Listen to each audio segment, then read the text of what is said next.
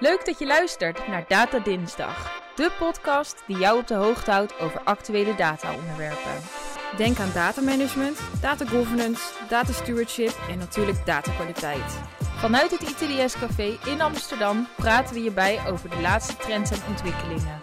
Door mini-colleges, interviews en verhalen van ervaringsdeskundigen uit de financiële dienstverlening. No nonsense en pragmatisch. Lekker voor op jouw dinsdag.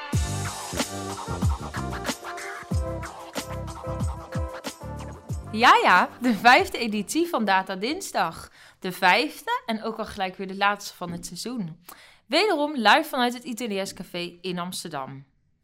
We gaan het vandaag hebben over de visie van ITDS rondom datakwaliteit. Wat zijn op dit moment de vraagstukken die spelen en waar gaat het de komende jaren eigenlijk naartoe? Dat bedenk ik niet zelf, daarom snel door naar mijn gasten om hier meer over te horen. Ik heb een introductie voor je geschreven. Ben je er klaar voor? Ja, Daar komt hij. Hij is geboren in Zaandam, maar is inmiddels bij zinnen gekomen en heeft Zaandam ingeruild voor onze mooie hoofdstad Amsterdam. Werkt inmiddels alweer 11 jaar bij ITDS. Is ooit zijn carrière begonnen bij AXA en is inmiddels als directeur data en implementaties niet meer weg te denken bij ITDS. Samen met zijn team helpt hij dagelijks de topverzekeraars en pensioenfondsen in Nederland bij het zetten van de volgende stap. Op zijn bucketlist staat een hoop, maar wat vooral opviel, een eigen restaurant beginnen. Welkom Michiel. dankjewel. Eigen restaurant, leg eens uit. Eh kookvet is. En denk ik, ik vind het altijd leuk om moeilijke eh, gerechten te maken. Of mensen thuis te verwennen met allemaal soorten eten. En eh, ja, dat- dat, dat kun je op maar één manier denk ik mijn geld mee verdienen. Dat is een restaurant. Dus, Klinkt logisch en sowieso leuk om een keer iemand aan tafel te hebben met een fetish. Eh, daarnaast ik natuurlijk. heb er mijn nog meer hoor. Maar, Ja, ja, nou wie weet, wie weet komen ze nog aan bod. Daarnaast eh, mijn vaste gast Eline. Jullie kennen haar natuurlijk van onze eerdere afleveringen. Eh, en ook deze podcast is ze er weer eh, als consultant binnen ITDS op het gebied van data management. Ik ben blij dat je er weer bent. Ja, ik ook. Goed om er weer te zijn. Nou, het is zeker goed dat je er bent. Van vandaag ga ik jou en ook Michiel de hemd van het lijf vragen over de visie van ITDS rondom datakwaliteit. Zijn jullie er klaar voor? Zeker. zeker.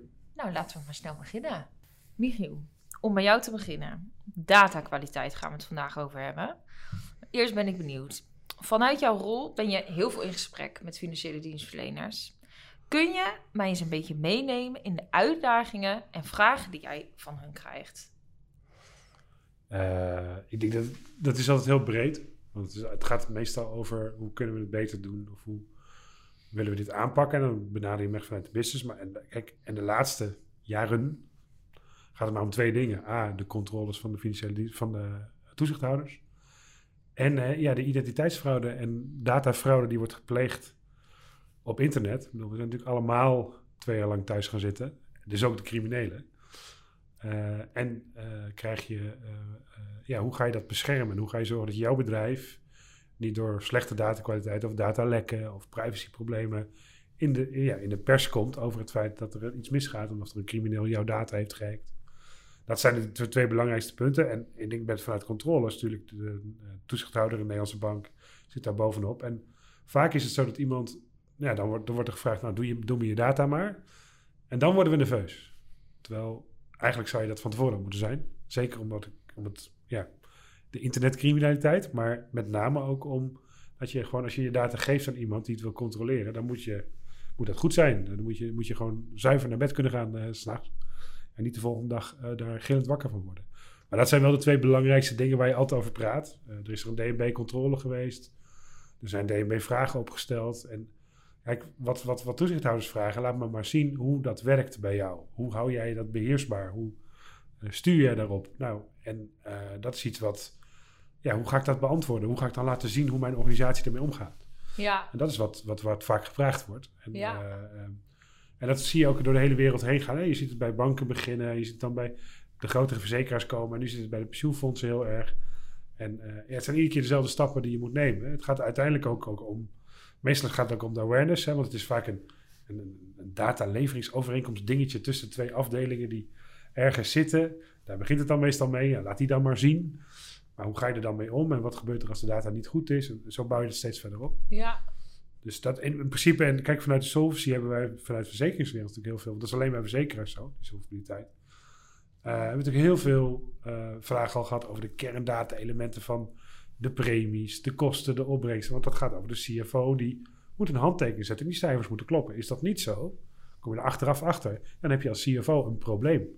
Nou, dus eh, daar zitten ze natuurlijk heel erg op. Maar ja, dat is natuurlijk steeds breder aan het worden.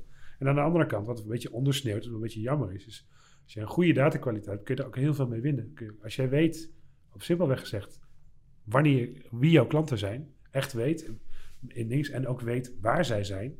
Dus niet dat je continu moet weten waar iemand loopt, maar die gaat voor zijn financiële producten altijd naar X, dus daar wil ik dan ook zijn. Kun je alleen al in de reclame heel erg targeted gaan werken. En Ja. we doen altijd net alsof we dat allemaal weten. Eh, en, maar als je goed naar die datakwaliteit kijkt, dat hebben wij meerdere, meerdere malen mogen doen als ITDS, ja, zie je daar best wel wat gaten in. En waarin je kunt concluderen dat dat niet altijd even goed eh, bedacht wordt. En dat je al bij waar iemand woont, dus letterlijk zo'n postbus, zo'n brievenbus, heb je al last van. Laat staan dat je weet waar iemand op internet is. Ja. ja, want ik hoor eigenlijk met name bescherming en dat voldoen aan wetgeving van toezichthouders. Dat is niet een hele intrinsieke motivatie om Nee. echt kansen te zien in data. Dat is nog heel erg voldoen aan en zorgen dat je niet de lul bent. Mag ik Ja. niet zeggen, denk ik. In Nederland wel. Oh. maar eh, dus nog weinig inderdaad de kansen die data eigenlijk eh, eh, met zich meebrengt. Ja, en begin ook klein daarin. Hè? Want heel veel mensen maken alle data die door je organisatie heen gaan naar sterkte. Maar zolang je die niet kan koppelen aan een identiteit, is de schadekant niet zo groot. Dus eh, identiteit kan zijn een bedrijf, kan zijn een gebruiker, een medewerker in jouw bedrijf, kan zijn een klant. Maar zolang je dat niet kan koppelen, ja, heb je er niet zoveel aan. Ook niet als hacker.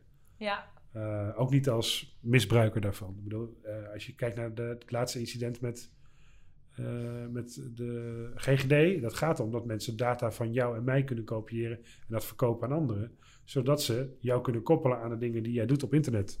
ja, Eh, eh, en daarmee je dus ja, iets kunnen doen bij jou wat, wat, je, wat, wat, niet, wat, wat geld van je aftroggelt of wat verkeerd gaat. Dus dat is het belangrijkste waar je bescherming moet zetten. Maar het is sowieso zo dat data natuurlijk omheven is. Zeker, dat komt ook weer door de solvency, door wetgeving. De cijfertjes moeten kloppen. Eh, eh, maar, eh, en dat is altijd een moetje. Dat, dat, dat, en daar wordt best veel tijd en energie aan besteed. En wordt ook gezegd over het onderwerp vaak, ook door bestuurders, van ja, het is zo'n beetje compliance onderwerp. En ik wil business doen. En dat, ik wil een, nieuwe mooie verzekering maken. Ik wil een, deelnemer blij maken met een mooie premie of een mooie belegging op een pensioen. Of een nieuw pensioencontract implementeren. Dat is natuurlijk ook wel een redelijk hoop. dat wil ik heel effectief en heel netjes gaan doen. En daar heb je ook gewoon goede data voor nodig, die je daar heel veel bij kan helpen. Want in 9 van de 10 gevallen zul je in dat vak gaan migreren van systeem A naar B. En als die data van tevoren goed is, want daar maken we ons dan ook altijd druk over, als we gaan migreren, dan is het in één keer, oh, die data moet wel goed zijn. En dan blijkt die niet goed te zijn, dan moeten we daar heel veel in investeren om het toch goed te krijgen in het nieuwe systeem. En dan beginnen we weer van vooraf aan. Maar als je dat nou van tevoren al goed hebt staan, en dan wordt zo'n migratie goedkoper, makkelijker, voorspelbaarder. En is het niet meer zo'n risicovol besluit waar je we pakken bij twee, drie jaar over moet doen. Ja, want even een stapje terug. Hè. Datakwaliteit, onderwerp. Wat, ehm, wat verstaan we er precies allemaal onder datakwaliteit? Eh nou ja, datakwaliteit zelf is natuurlijk een definitie. Ja, Ehm, maar uiteindelijk versta je daaronder van data moet tijdig zijn, data Ja. moet correct zijn. Data, daar ga je een beetje de acuut-principes op noemen. Acuut wil zeggen, dat zijn gewoon een, in datakwaliteitsbeleid zie je dat vaak terug. Dat zijn gewoon een aantal dimensies die je meegeeft in datakwaliteit. En aan de andere kant heb je, datakwaliteit is, zijn een aantal data-elementen die voor jou als organisatie heel belangrijk zijn. Het is niet alles. Dus bij wijze van spreken gedragsdata, is dat zo belangrijk voor een verzekeraar of voor een bank of voor een pensioenfonds? Ja, denk het niet, want daar doe je niet zoveel mee. Recent publiceerde IBM een onderzoek en dat viel me best wel op. Eline, een van de resultaten was dat 1 op de 3 van de leidinggevenden niet vertrouwt op de data die ze gebruiken om beslissingen te nemen. Ja. Dat is best wel schrikken, vind ik. Ja, ik, eh, ik heb het onderzoek ook gehoord. En eh, ja, dat is niet een eh, mooi aantal waar we met z'n allen blij mee moeten zijn. Ik denk dat het wel heel erg overeenkomt met de realiteit. Ik denk dat wij bij onze opdracht ook vaak zien dat daar de vraag ook vandaan komt. Dat ze zeggen, nou, ik heb niet voldoende comfort bij mijn data om het aan iemand anders uit te leveren, om het ergens voor te gebruiken. Dus heb ik eigenlijk een eh, project eh, voor datakwaliteit nodig. Dus dat is ook wel vaak de aanleiding om bij een klant binnen te komen en daarmee aan de slag te gaan.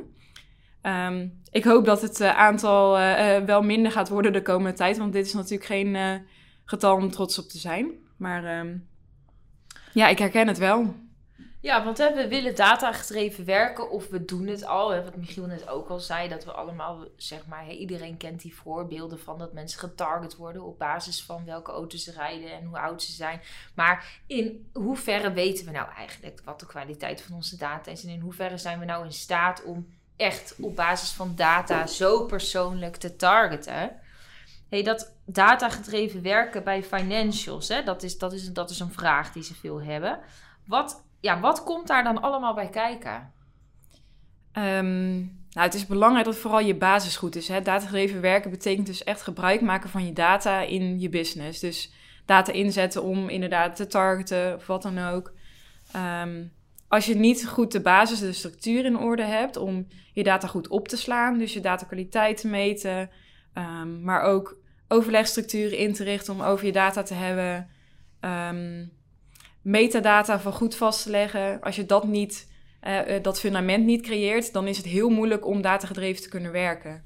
Dus je moet een soort uh, minimaal niveau hebben, zodat je kunt borgen dat die data die je wilt toepassen, dat je die ook kunt, kunt gebruiken.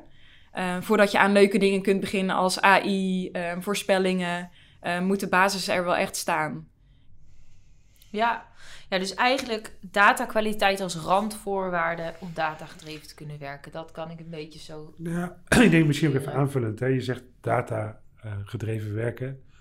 Uh, het onderzoek gaat over beslissingen. Overigens, als het omdraait, twee van de drie vinden het, vertrouwen het wel. Dus je kunt er op een bepaalde manier naar kijken.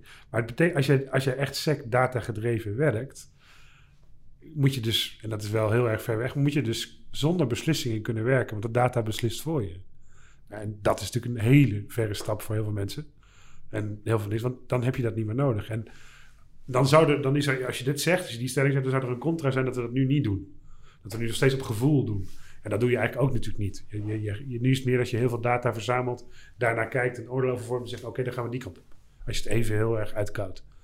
Uh, maar in principe datagedreven werken zou willen zeggen dat je dat niet meer nodig hebt. Dat je dus gewoon de data zegt links, oké, dan gaan wij naar links. En ja, dat is een stap die je, ja, daar, ben je nog wel van, ver van verwijderd. Want dat betekent dat het, en dan ga je heel erg in die AI-hoek zitten, dat je door, door systemen wordt, wordt ons uh, gedenkt. En dat, volgens mij zijn wij ook als, als bedrijfstak daar nog niet aan toe om dat te kunnen zeggen. Nee, waar zijn we wel als bedrijfstak nu op dit onderwerp?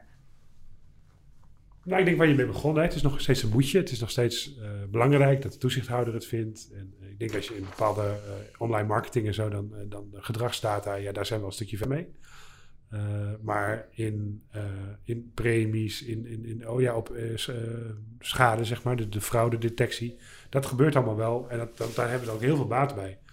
In de andere kant is het vaak een moedje en dan gaat het vrij traag. Zijn we nog steeds bezig met, ja, we, we mensen voeren gegevens in en we checken die met validaties één keer bij de voordeur en vervolgens laten we het staan.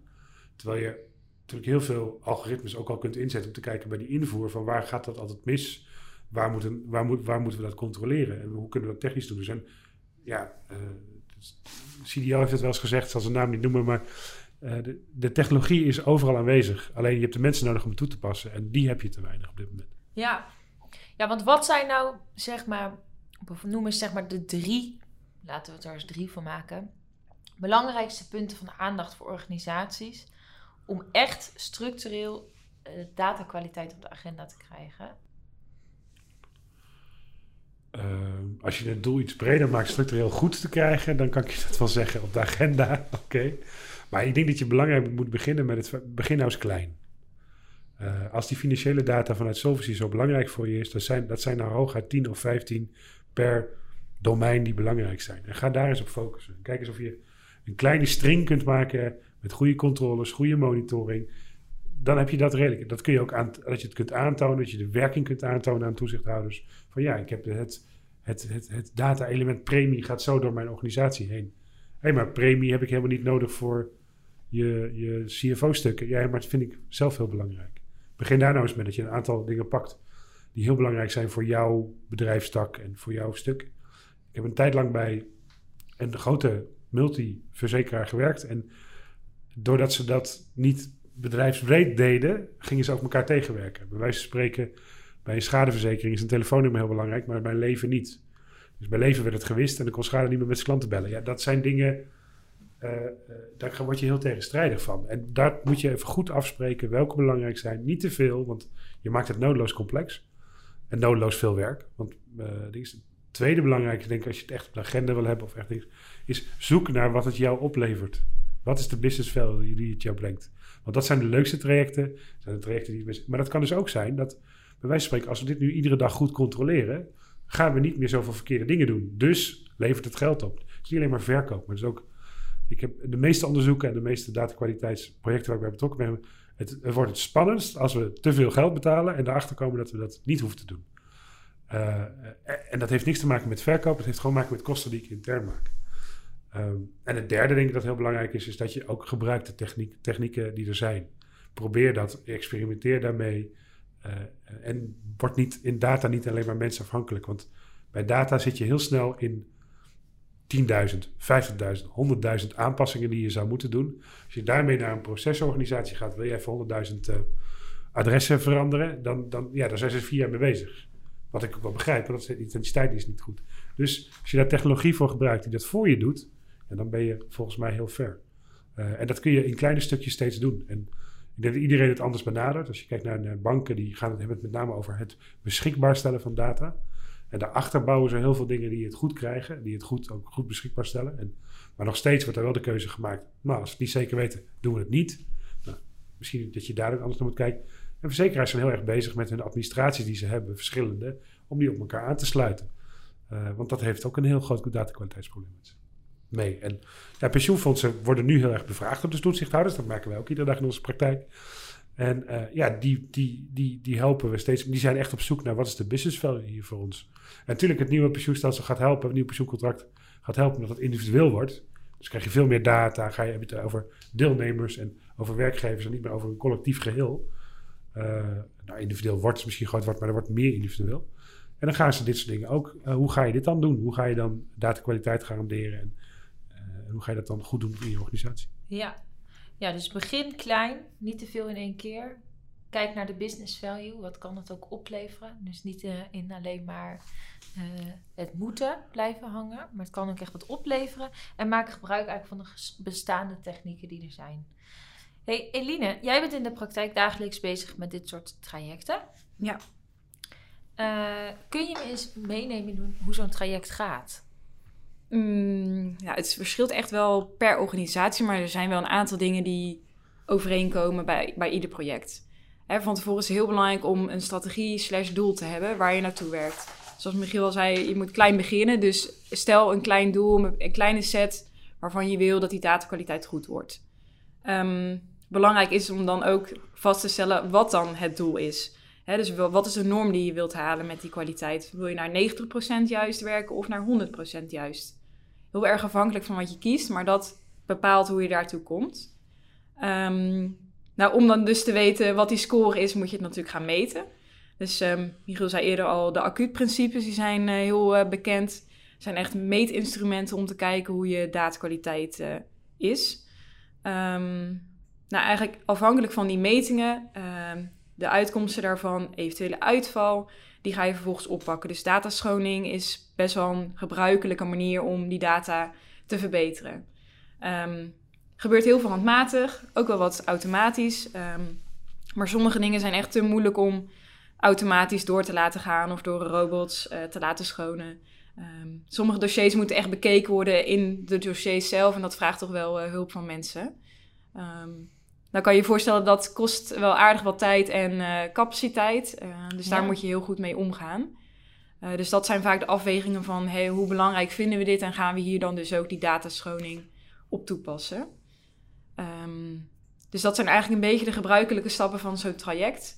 Um, nou, en afhankelijk van hoe hoog je doel is, blijf je daarmee, daarmee doorgaan en dan werk je naar dat doel toe. Ja. Ik denk dat we er zijn. Eline, heb je nog naar? Nou, eigenlijk wil ik nog wel uh, een, een, punt maken. We hebben net eigenlijk heel de tijd gehad over uh, organisaties, uh, de inrichting ervan, dat het belangrijk is. Maar eigenlijk hebben we het nog niet echt over gehad om een echte data-organisatie in te richten. En je hebt de bekende IT-organisatie binnen een bedrijf, je hebt de procesorganisatie, maar eigenlijk moet er nog een derde bij komen. En dat is een data-organisatie, waardoor je echt de nadruk legt op data, het belang van data ehm, en echt de aandacht aan geeft. Je moet echt zorgen dat er dan daarmee iets gebeurt. Geen afhankelijkheden met processen, dat is de procesorganisatie, maar echt één iemand die verantwoordelijk is voor de data op een bepaald vlak.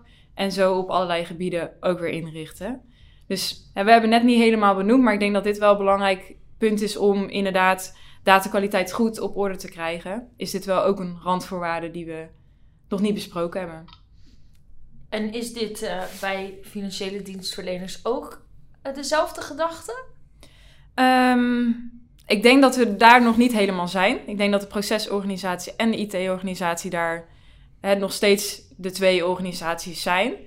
Um, dat er heel langzaamaan wel begonnen wordt aan een data-organisatie, maar daar moeten nog wel wat stappen in gezet worden. Dat, uh, dat vind ik wel.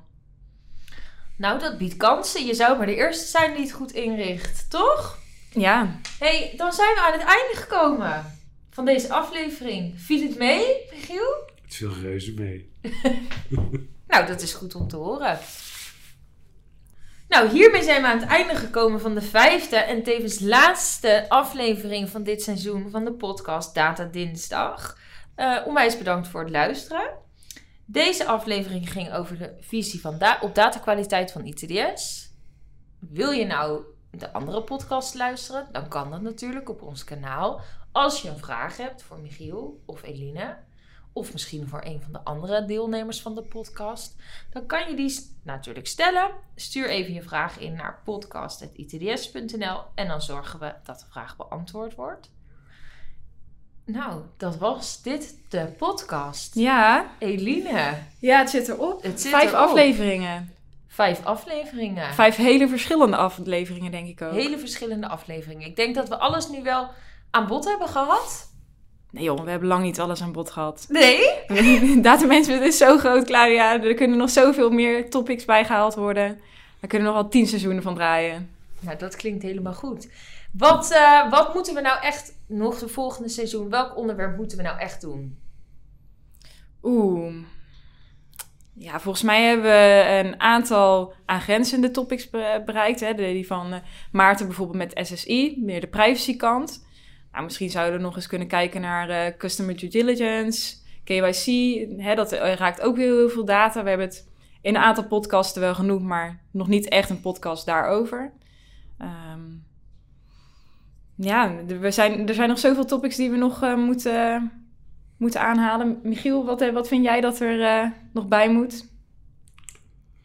Uh, data lakes, data warehousing, data engineering, data monitoring. Ja, je kan de hele wiel van daar op. Ja, ja. Maar er zijn er genoeg. En data retentie, data ethiek. Uh, spreken ja. we ook steeds vaker over. Van ja. Hoe ga je daarmee om? Data ethiek, ook interessant. Als je nou luistert en je denkt, uh, ik heb wel een onderwerp waar ze het sowieso over moeten hebben voor het volgende seizoen. Uh, laat het ons vooral ook even weten. Want, uh, nou ja, dan kunnen we dat meenemen. Yes. Vond je het meevallen, de podcast? Vond je het tegenvallen? Ik denk dat ik het aan het begin heel spannend vond. zal je misschien ook vast wel horen in de eerste aflevering dat er wat zenuwen in zitten. Um, maar ik vond het wel heel leuk om te doen. En ook leuk dat we echt verschillende sprekers hebben gehad vanuit ITDS.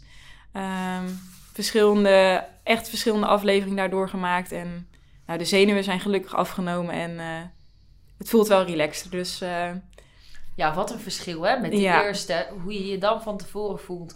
Ja, het is eigenlijk raar op het moment dat er ook camera's aangaan en dat je weet dat je wordt opgenomen, ga je ineens uh, heel erg bewust zijn van alles wat je zegt. En dat verdwijnt wel wat meer naarmate je het vaker doet. Hè? Dat, ja. is, dat is wel een. Uh, ja. Misschien moeten we onze gasten toch nog maar een keer terug laten komen.